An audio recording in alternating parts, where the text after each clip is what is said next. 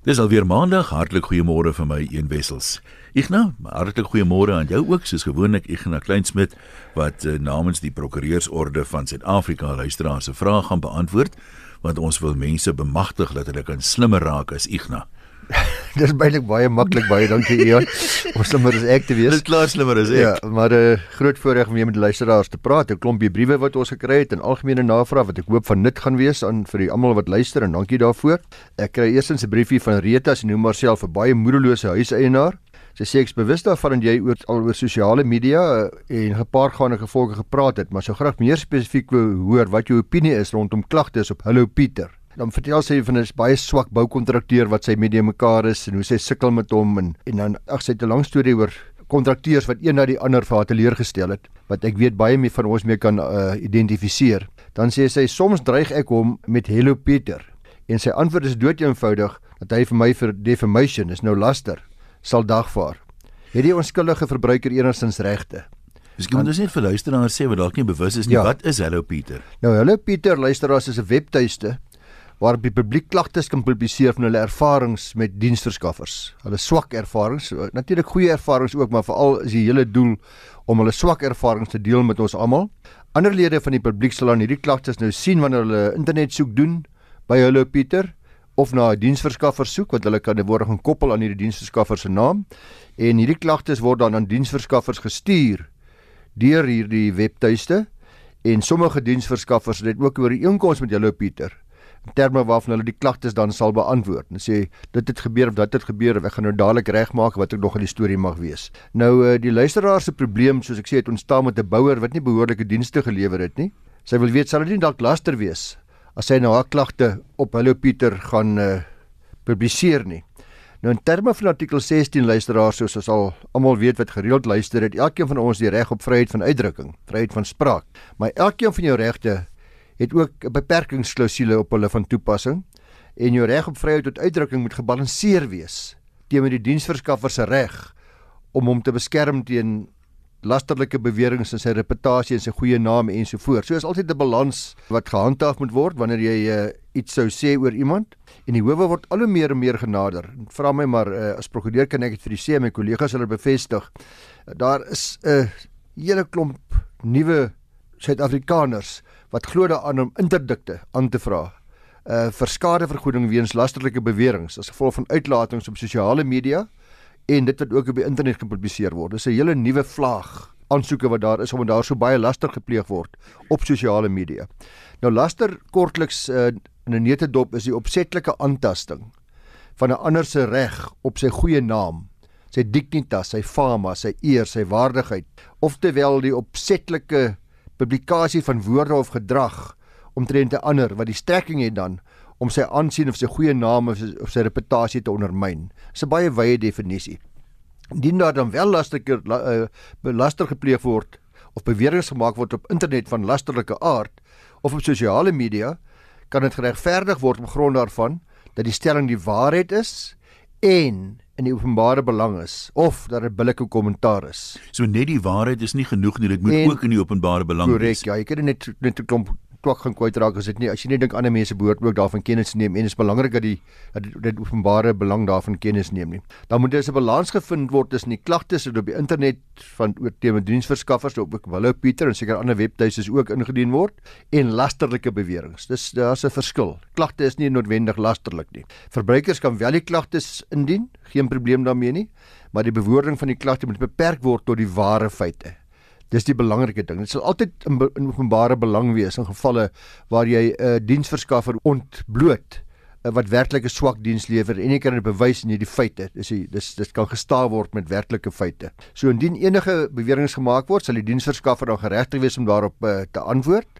Uh, maar indien dit lasterlik van aard is, kan hy aansoek doen vir 'n interdik in terme waarvan die inskrywing dan verwyder moet word. En natuurlik kan hy ook Jan vir jou 'n dagvaar vir skade wat hy gelei het as gevolg van die laster. So hou dis maar luisteraars en ook hierdie dame wat skryf Rita, geen probleem nie, jy kan dit doen wat duisende mense gebruik gebruik van hierdie tipe van soek engines op webtuistes waar hulle frustrasies kan uiter, maar hou jy by die ware feite en moenie toelaat, en dis die probleem altyd. Moenie toelaat dat jou kwaadheid, jou emosies, jou woede, jou frustrasies daartoe aanleiding gee dat jy dalk in die proses ook lasterlike beweringe maak. Ja, dis maar die probleem. Kyk waar 'n mens waar baie emosie betrokke is, dink 'n mens nie meer so helder nie en 'n ou is nou vies. Ja, ja, ja. So bly maar weg van goed af soos dis die skelmste bouer wat ek in my lewe ontmoet het, jy weet. Nee, presies. Dis presies die punt. Uh, nie die woord skelm gebruik nie, Ja. nie die woord oneerlik gebruik nie. Sê dit wat dit het jy hom gevra, dit het hy nie gedoen nie. Dit het hy op hierdie manier gedoen. Dit het jou deskundige vir jou kom vertel moet oorgedoen word ensovoorts Ja. ensovoorts. Nee, want ek dink eh, hierdie hele veld is mense nou maar kyk na mense wat kla oor motors ook. Jy dink jy het regverdige klagte en neem jy die die die motor terug na die handelaar toe, dan toets hulle hom en sê hulle dis normaal, dis binne perke hierdie geluid wat jy hoor of die olieverbruik of so. En dit is baie maal moeilik met bouwerk ook. Ek meen jy het ja. Ja. perfekte bouwerk en ek meen normale bouwerk is nie noodwendig perfek nie, maar dan kom jy ook op 'n stadium met 'n mens sê hierdie is nou onaanvaarbaar. Jy het genoeg redes om te sê ek gaan nie hierdie mure is om te skeef. Ja. En dit is altyd moeilik om by daai goed te kom want baie mense met die met die kwaadheid is 'n ou nou geneig om 'n bietjie aan te dik en die ander ouens weer geneig om verskonings te soek. So dit is soos jy sê 'n balans, maar dis nie altyd 'n balans wat 'n mens maklik vind nie. Nee, absoluut so 100% korrek. En nou wat ek ook onthou uh, dat ek het 'n paar weke of maande dalk gelede het ek ook bietjie gesels oor die NHBRC. Hierdie nasionale huisbouers ja. uh, wat deur die staat aangestel word om jou om die belange van die huisbouer teenoor die kontrakteur te beskerm. So maak maar altyd seker dat die persoon wat vir jou bou ook behoorlik geregistreer is by hierdie liggaam. So want dan kan jy jou klagtes by hulle gaan opper en hulle eh, is veronderstel om dan met sy geld te werk. Uh, as hy nie sy do- sy werk behoorlik gedoen het nie. Een opmerking net oor oor Hello Pieter. Ek ken iemand wat 'n teses geskryf het oor onder andere daaroor verbruikersklagtes en so aan mm. en hoe om dit nou te hanteer maar uit 'n skakelwese oogpunt uit. En die persoon het gesê sy het 'n klomp van hierdie goed ondersoek. Baie van hierdie mense as daar 'n klagte op Hello Pieter is dan hulle 'n standaard reaksie. Baie dankie dat jy dit onder ons aandag gebring het. Jy weet ons streef na die beste diens moontlik ja. en ons gaan dit dadelik ondersoek. Maar sy sê wat jy baie keer dan vind, dan kla mense oor 'n tydperk van maande oor dieselfde produk wat uh, nie op standaard is nie en dat jy dieselfde antwoord. Hulle weet nou al 3 maande lank van die produk, maar is nog net so op die rakke en is nog steeds die standaard reaksie van dankie dat jy ons laat weet dat ons maak dadelik werk daarvan. Ek weet nie of 'n mens kyk, dis nie Hello Pieter is maar net 'n diens, is nie of hulle dit kan afdwing dat nee. Nee. iemand enige iets regstel vir jou nie. Wat hulle wel doen dink ek die grootste waarde lê daarin dat wanneer ek dan nou byvoorbeeld 'n gastehuis wil gaan bly in Durban of in Kaapstad of in Port Elizabeth Ja. wat ek glad nie die area ken nie, dan kan ek dan sal hulle onmiddellik vir my verwys as ek op die naam inkom na die klagtes wat daar was al dan nie en of dit goed was of sleg Ja. was. So minstens gaan die rooi ligte aan en die die sirenes gaan af uh alhoewel daar soos jy sê uitstekende antwoorde altyd is. Weet ek as daar meer as een klas as daar 'n paar klagtes was, dan moet ek maar katvoet loop. Nee, as jy mense nou wil sien hoe mense se opinies verskil, dan moet jy nou gaan kyk by restaurante. Daai webwerwe waar jy kan gaan kyk wat is die spyskaart en die reaksie van mense. Daar is omtrent by enige restaurant altyd 'n klomp mense wat dit 5 sterre uit 5 uitgee, maar vir daai selfde restaurant is daar altyd 'n ou wat dit 1 ster ook gee en sê, jy weet, dis die koudste hoender wat hy in sy Ja, lewe geëet ja. het nog of wat ook al. Dis so, ja. So dit werk maar so. Ja. Ek het 'n baie kwaad brief, 'n kwaai brief gekry van 'n persoon met die naam van Andy Steckling en dis duidelik dat sy frustrasies by sy ore uitloop. Hy sê ek is vanaf uh dan noem hy die instellingsnaam, ek gaan maar nie die selfoonmaatskappy se naam noem nie, vanaf hulle aankoms in die land is ek 'n kliënt van hulle. My probleem is dat hierdie diensverskaffer der duisende kliënte daagliks beroof van kosbare data wat ons ten duurste aankoop. Hulle gee jou keuse uit 'n aantal opsies wanneer jy aankoop wat slegs vir hulle bevoordeel. Jy moet dan een van daardie opsies aanvaar en dan word jy onderwerp aan sekere terme en voorwaardes wat in plain Afrikaans maar eintlik 'n rip-off is. Kan dit werk so? Kan jy gewone ligtyd en data omskakel weet dan moet wat jy dan moet gebruik binne 'n sekere hoeveelheid dae, 7 Anders dae. verval dit. Anders verval dit. Hoe kan jy iets wat 'n kliënt wettig van jou gekoop het terugneem as jy dit nie gebruik het nie of dit nie of dit wil hou vir 'n latere gebruik of in 'n noodgeval? Met ander woorde, ek koop 2 gigabytes data. Hulle sê vir dis geldig vir 7 dae. Dit kos my R100 of R500 of watter nog dit mag wees en na 7 dae het ek net die helfte daarvan gebruik. Dit beteken ek verloor die ander R250 en dit is vir hom 'n groot bron van frustrasie. Ek dink baie van ons het groot begrip vir hierdie frustrasie. Uh, Ja, die die ander ding hiermee is jy het sê net maar elke maand kry jy nou 2 gig of hoeveel nou ook al. Ja. Party mense gebruik dit nie altyd op nie, maar nou wil hulle dit spaar want ek gaan op vakansie of ek gaan na 'n plek toe waar ek nie my gewone Korrek. internetverbinding het nie en nou wil ek die extras daar gebruik om foto's vir my familie te stuur van die vakansie en so aan. Dis presies wat hy vra en hy sluit af met die sinnetjie Ek wil weet of daar 'n manier is hoe en wie ons moontlik verantwoordelik kan hou om ons te beskerm teen hierdie blaatante uitbuitery van hierdie groot en uh, ryk instansies.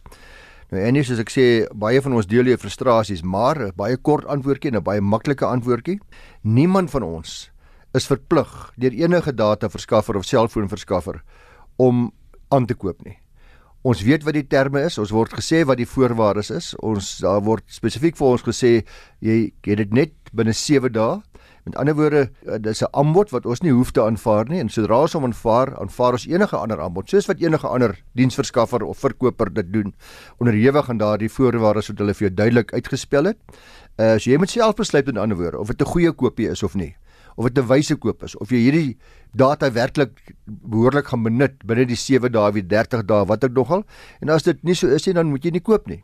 Uh so om daarna kwaad te wees gaan nie help nie alhoewel ek uh, dink ek sien maar in die media ook daar is van staatswee en van allerlei groot uh, maatskappye se kant af verskeie uh, mense wat kritiseer en wat uh, redelik keelvol is vir die wyse waarop die groot selfoon maatskappye met uh, die publiek handel en dis nie net hierdie een wat jy noem nie dis maar redelik wyd versprei. Ja vir die selfoonmaatskappye betref. Dis maar baie is amper soos bankprodukte. Dit is maar baie soortgelyk van bank tot bank en van selfoonmaatskappy tot selfoonmaatskappy. Nou wil 'n mens al wonder of hierdie ouens bymekaar kom en sê, hoorie, ons het die standaard voorwaardes. So, maar as jy nou wil 'n slim selfoonmaatskappy wees, is dit werklik 'n klippie in die skoen van die publiek is en jy maak jou produk anders, dan gaan jy mos kliënte lok van die ander ouens af. Ja, daar's heelwat uh, suggesties of beweringe of uh vermoedens dat daar prysbinding plaasvind uh, tussen sommige van hierdie maatskappye, maar dis 'n baie moeilike ding om te bewys. Maar as jy kyk na die pakkette wat aangebied word, na die pryse ensovoorts, dan is daar maar weinig verskil. So nou en dan is daar daarom van die kleiner maatskappye wat so bietjie 'n beter voorwaardes aanbied. Uh maar dan het mense dit weer altyd ander nadele, maar ek dink dit is iets waarna die mededingingsraad sonder twyfel uh, hulle oog op het. Ja, Ian luisteraars, Koos Botha skryf my 'n briefie. Hy vra Ek moet asseblief 'n bietjie verduidelik die, die volgende terme. En eerstens vra hy pensionaris, dan sê hy kwalifiseerde persoon wat 'n ongeskiktheidspensioen ontvang. Met ander woorde nie ouderdomspensionaris nie, maar 'n ongeskiktheidspensioen ontvang. Byvoorbeeld om te baat by 'n 10% afslag pensionaris daar of by plekke wat afslag vir pensionarisse gee. Nou koers wat dit betref dink ek ek sou dink my aanvoeling sou onmiddellik vir my die antwoord behoort ja te wees maar elke diensverskaffer sal sy eie reëls en voorwaardes hê waarop hy dan afslag gee of uh, sekere voordele gee vir sekere ouderdom mense wat sekere ouderdomme is.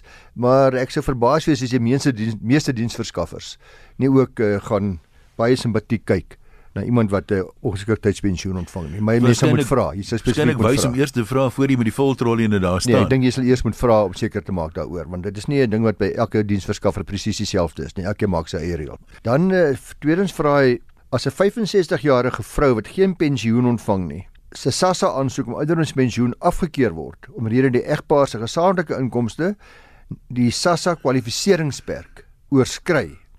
Dit sê dit dit verstaan hy sê maar Nou kom 'n SASSA amptenaar die aansoeker agterna loop en adviseer haar om na 3 maande terug te keer en haar dan te identifiseer as 'n vervreemde vrou wanneer sy aansoek doen en hy vra wat is die regsimplikasie?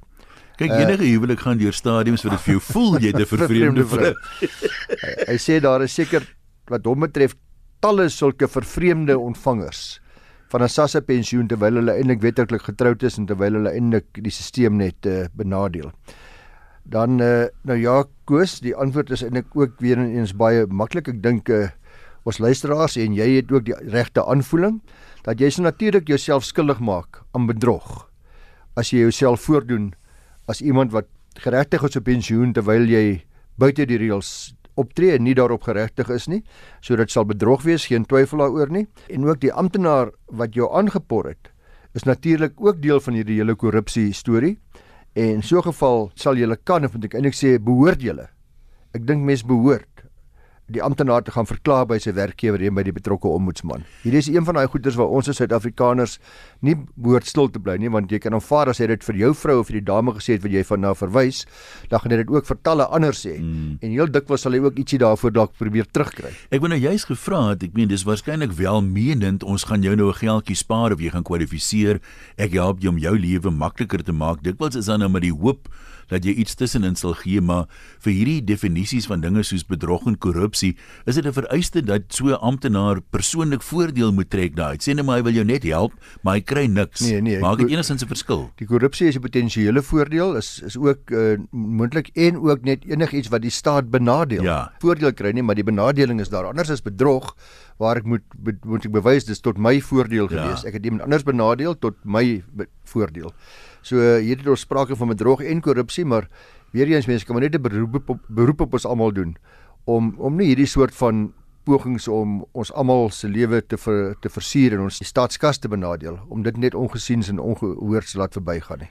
Ek het 'n landros gehad wat altyd die voorbeeld gebruik het van mense wat dink jy weet die staat het mos onbeperkte bronne. Dan sê hy en hulle koppe is die staat soos 'n koei wat hier bokant jou hang en jy kan maar net in die spene trek. Dan kom jy melk. Ja. Dan het ek 'n baie vriendelike briefie ontvang van Frans Krause.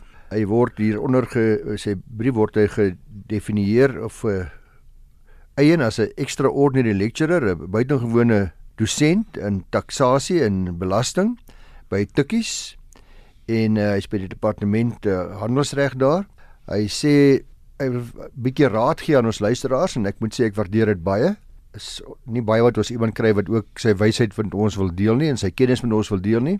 Hy sê dis nou belastingseisoen en ek sal graag my ondervinding met luisteraars wil deel indien julle dink dis wenslik. Ek dink in die algemeen is geskilbeslegting in belastingsaake waar Jan Alleman kleitrap en dikwels spertye misloop. Wat doen ons as Jan Alleman nie saamstem met die belastingaanslag van die ontvanger van die SAID nie? Spertye is uiters belangrik sê hy, so hy sê eerstens onthou, die belastingbetaler het 30 dae, dis besigheidsdae, Saterdag, Sondag vakansiedae uitgesluit om 'n swaar aan te teken. So as jy ongelukkig is met die belastingaanslag, jy 30 dae tyd om 'n swaar aan te teken. Dis belangrik dan om ten minste binne hierdie tyd SAID te vra vir gronde vir die aanslag. Dan het Jan Alleman weer 30 dae om 'n swaar aan te teken nadat SAID die gronde vir die aanslag verskaf het of aangedui dat die gronde duidelik in die aanslag vervat is en weier om meer besonderhede te gee. Die versoek om gronde van aanslag moet verkieslik spesifiek wees soos waarom is my mediese krediet nie toegelaat nie of waarom is die uitgawes en die voortbringing van huurinkomste nie toegelaat nie ensovoorts. Jy moet spesifiek sê wat jou pla binne die 30 dae na die ontvangs van jou aanslag. Dan sê die belastingadministrasie wetgewing maak wel voorsiening vir die SAID om laat indiening van beswaar toe te laat. Dit is egter makliker vir die bespreekwoordelike kameel om deur die oog van 'n naald te gaan as om hierdie vergunning van die SAID daar te kry. SAID te kry.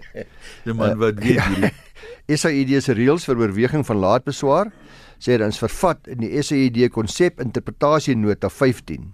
So as jy wil gaan kyk, dan kan jy kyk na konsep interpretasie nota 15. Uh Jan Alleman moet dan binne die sterpheid die beswaar by hulle indien met volledige gronde vir die beswaar.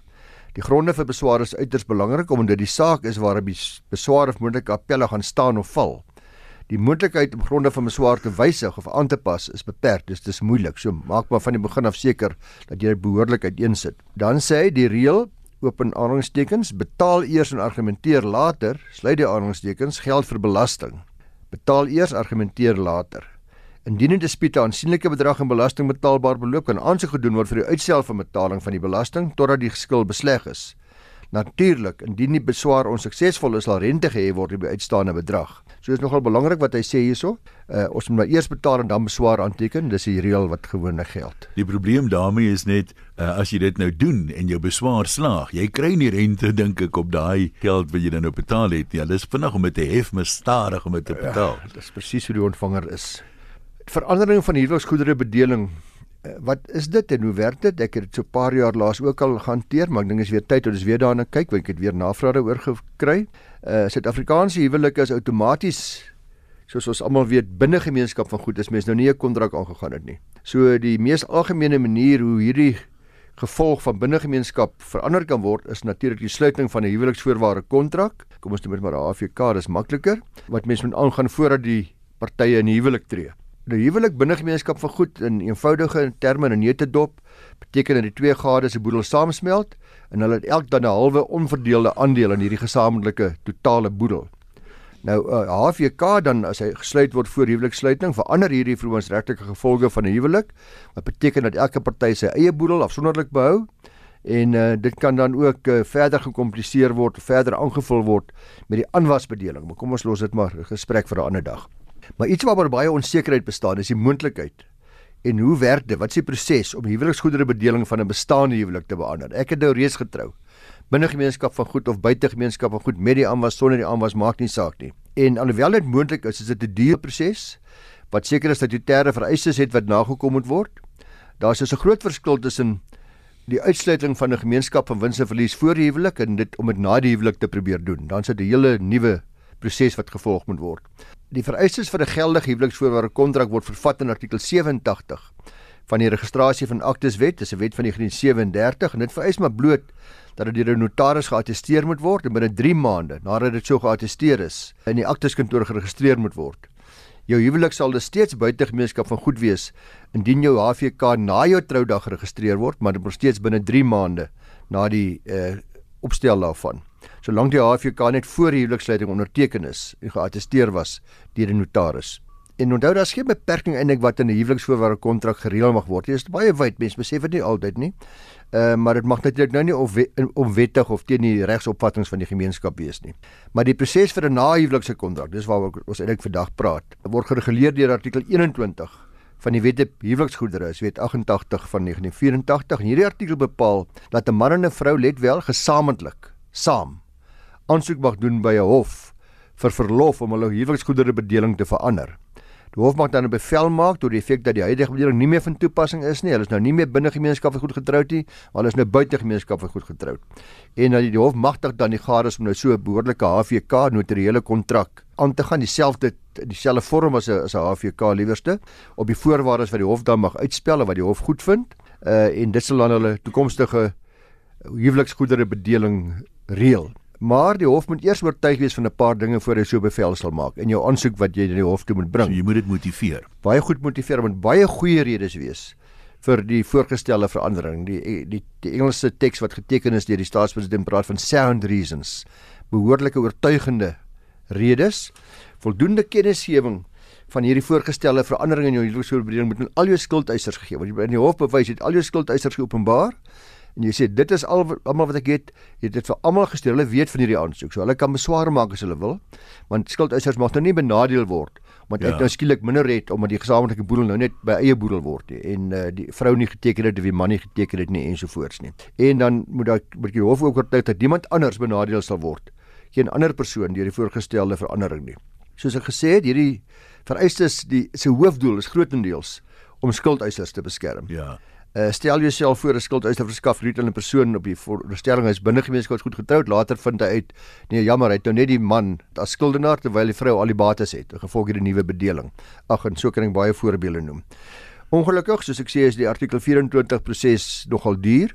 Dat jy moet 'n prokureur ongelukkig gebruik en uh, dikwels ook 'n advokaat en die hoë koste van hierdie proses is as gevolg van die feit dat dit 'n hoë regshof 'n aansoek in die hoër hof is wat jy moet bring en baie mense wat baie mense dan nou doen om hierdie proses op 'n oneerbare en 'n skelle manier uh, dieselfde eindeffek te gee, die eind, eindgevolg te gee. Hulle skei dan om dan net weer vir die landros te gaan trou.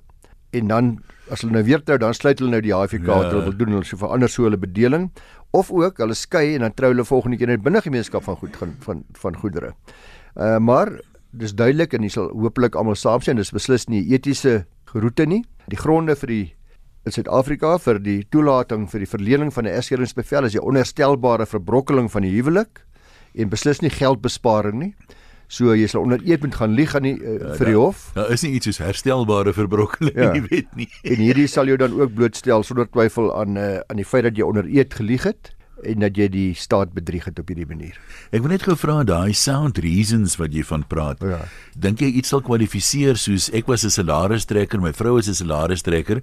Ons is nou 10 jaar getroud, maar nou het ons besluit ons wil 'n eie besigheid begin. Ja. Maar daar's mos nou risiko's aan as die besigheid nou nie werk nie. Sou dit dink jy 'n Presies grondige daardie rede wees? Ek het al 'n hele paar van hierdie gedoen. Uh Jan en dis presies daardie soort van ding wat gebeur. Met ander woorde my my situasie wat ek voorsien het toe ek in die huwelik getree het. Dat ons gaan nou vir die res van ons lewe gaan ons maar gewoner twee onderwysers wees en ons gaan ons gaan nie eintlik in 'n situasie kom waar ons gaan groot geld verdien nie. Verander dramaties. Een van ons erf 'n klomp geld en ons wil groot besigheid begin doen of ons besluit om risiko's te loop wat betref uh, leerlings aangaan en ons wil ons huis en ons kinders beskerm daarteen en die hof het groot begrip daarvoor. Nog 'n ander uh, situasie wat gereeld homself voordoen in praktyk, is dat mense kom by jou nadat hulle 'n paar jaar getroud was, dan sê hulle vir hulle werklik nie verstaan die dag toe hulle getrou het wat dit beteken het nie. Hmm. Hulle was dol verlief. Wat tyd om huwelik te reël toe ons sien, oeps, Daisy, hier Ja. is nou klaar. Nee, nee, dis vir altyd sien boele het nie gewerk Ja. nie. Jammer, hulle het nie mooi gedink nie. En uh, dan sal die hof ook mooi daarna luister, maar dan is dit belangrik dat hulle moet die hof oortuig dat weet hierdie is nie 'n 'n truc ja. om skuldeisers te probeer benadeel nie en dat daar werklik dat hulle werklik die bedoeling gehad het Ja. van die begin af om eintlik te trou buite gemeenskap So van die- goed of wat ek nog dit mag Die wees. onderlyf werk nou nie, maar die bolyf werk wel. Daarom wil ons dit nou verander. Kom ons trek liewe daar 'n streep. Ignas baie dankie. Jy kan jou vrae vir regsaake direk vir Ignas stuur. Ignas by vvd.co.za.